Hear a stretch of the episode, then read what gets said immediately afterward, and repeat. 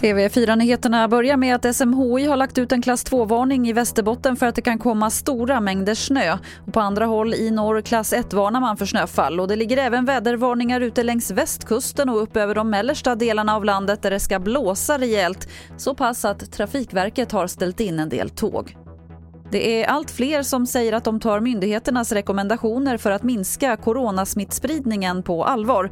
I oktober svarade 7% att de gör det. Nu är den siffran uppe i 31% Det här visar en undersökning som TV4 Nyheterna gjort. Toivo Sjörén är analyschef på Sifo.